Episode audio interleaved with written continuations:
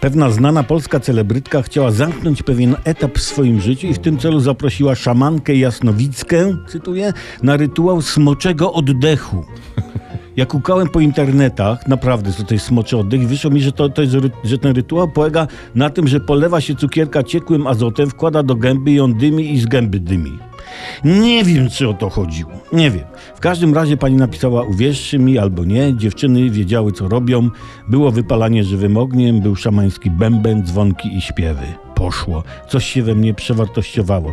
No, pewnie dziewczyny nie za darmo wiedziały, co robią, ale jest też lepszy rytuał na, na przewartościowanie życia. Rytuał oddechu szwagra rankiem po weselu, który wypalił na imprezie dwie paczki fajek.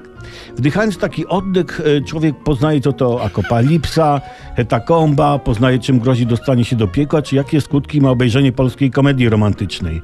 Bez bębnów, dzwonków i zawodzenia. Okej. To o rytuale szwagra to było trochę wąsate. Okej. Ale co powiecie na rytuał bąka wiewiórki?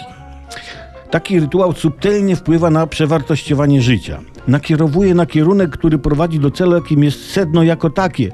Rozumiane na przykład jako 800 plus od czerwca, darmowe autostrady, rewaloryzacja emerytury oraz egzystencja do końca życia.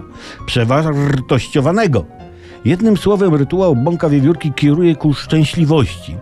A jeśli chodzi o smoczy oddech, to ja nie wiem, czy zamiast zamawiać laski jasnowidzące z bębenkiem i żywym ogniem, taniej nie wyszłoby, ja nie wiem, no, odmówić różaniec?